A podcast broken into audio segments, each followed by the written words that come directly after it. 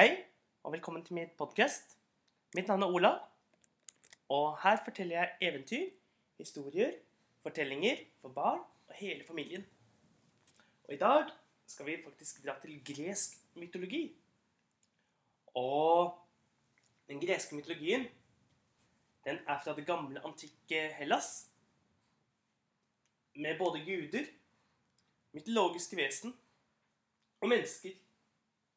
En kamp mellom makt, kjærlighet og eh, en del moral om hvordan man ikke skulle være på den tiden. Og eh, historien i dag, den handler om Arakne.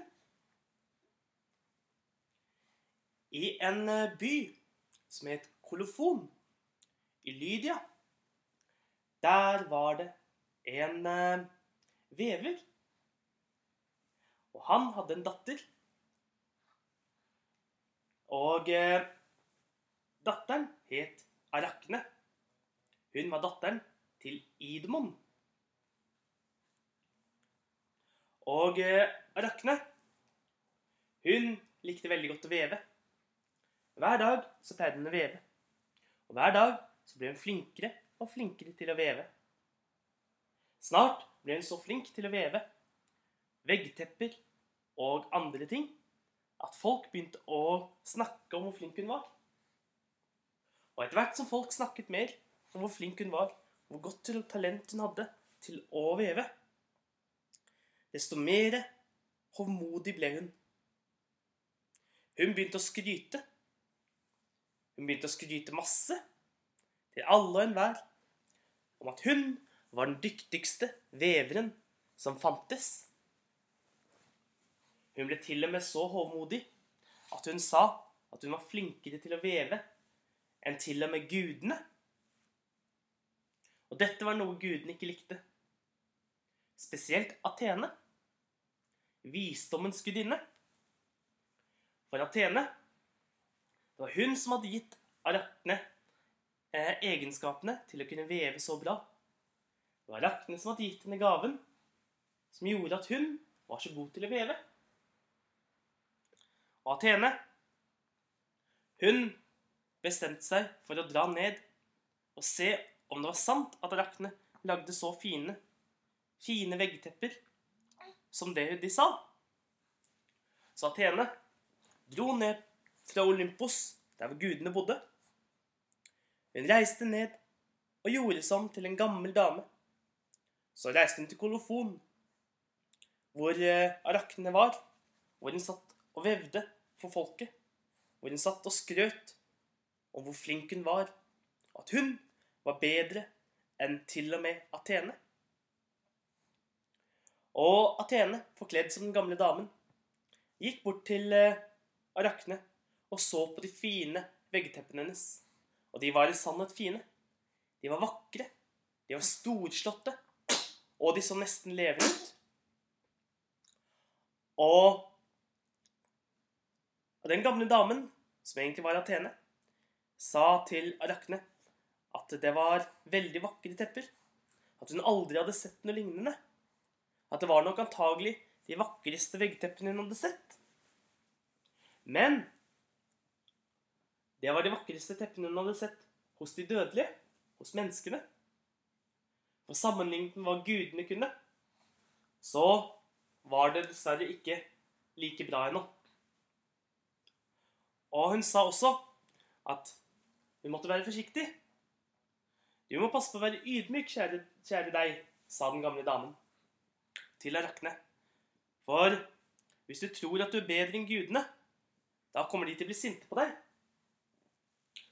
Og den vevegaven du har fått, det er i sannhet en gave, en gudegave, som du har mottatt fra gudene. Men Arakne, hun hørte ikke på Atene, på den gamle damen. Hun fortsatte å skryte. Ja, du gamle dame, jeg er den flinkeste til å veve.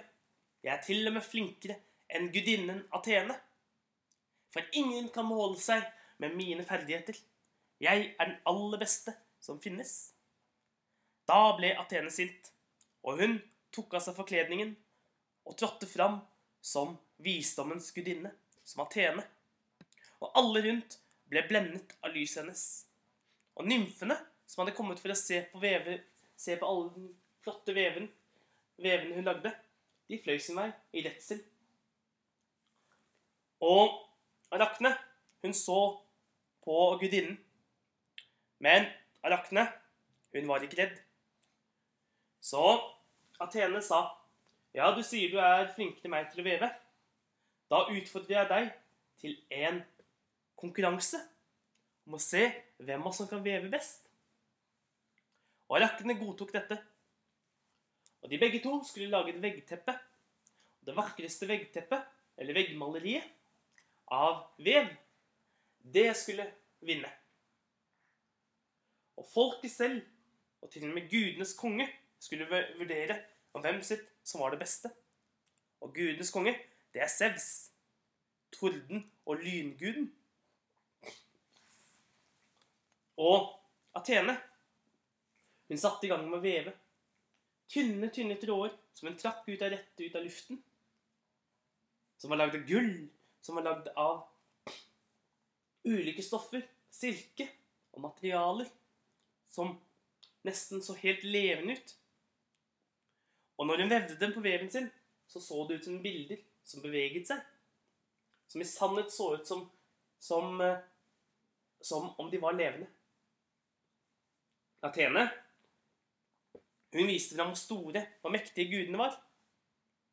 Hun viste fram om eh, et, midten lagde hun et stort bilde av seg selv og eh, havguden Poseidon, hvor de kjempet om den store byen Aten, og hvordan Atene til slutt seiret og fikk byen oppkalt etter seg selv. Og rundt lagde Atene mange bilder, mange mindre bilder, som viste hva som skjer hvis menneskene trosser gudene og tror de er bedre enn gudene. Og bildet det så helt levende ut, og det var det vakreste. Det var som spunnet av rene luften. Så tynne var hennes tråder. Og folket jublet og syntes den var vakker. Det var noe av det vakreste de hadde sett. Men Arakne, hun lagde også bilde av gudene. Men hun lagde bilde av gudene i et mindre flatterende lys. Hun gjorde narr av gudene. Hun tok fram noen av bragdene deres som de ikke skryter så mye av. Noen av de tingene de kanskje ikke er så stolte av. Og hun viste frem alle disse øyeblikkene. Hun viste bl.a. fram gudenes konge, Sevs, hvor han kidnappet prinsesse Europa i form av en hvit okse. Hun viste fram hvordan, hvordan guden Sevs også tok og flørtet med andre jenter i ulike land. Ulike prinsesser og ulike kjente Kjente, vakre kvinner på den tiden. I tillegg så viste hun fram hvordan, hvordan menneskene gjorde det veldig godt. Og all den humoren, og i tillegg til hennes fantastiske evne til å veve, gjorde at folk jublet enda mer for Arachne sitt verk. Arachne sitt verk bygde både på humor, og det var i sannhet vakrere enn det Athena hadde lagd. Det så helt levende ut, og det var det vakreste vevekunsten de noen gang hadde sett. Og Arakne viste det stolt fram. Men Athene, hun var en skikkelig dårlig taper. Så hun tok veven til Arakne og slo den i stykker mot hodet hennes. Så tok Athene og kastet en forbannelse over Arakne. Så Arakne begynte plutselig å få hår over hele kroppen. Lange, svarte hår begynte å vokse ut over hele kroppen til Arakne og Arakne krympet. Hun begynte å krympe. Så begynte det å vokse ut flere ben. Hun fikk til sammen åtte ben.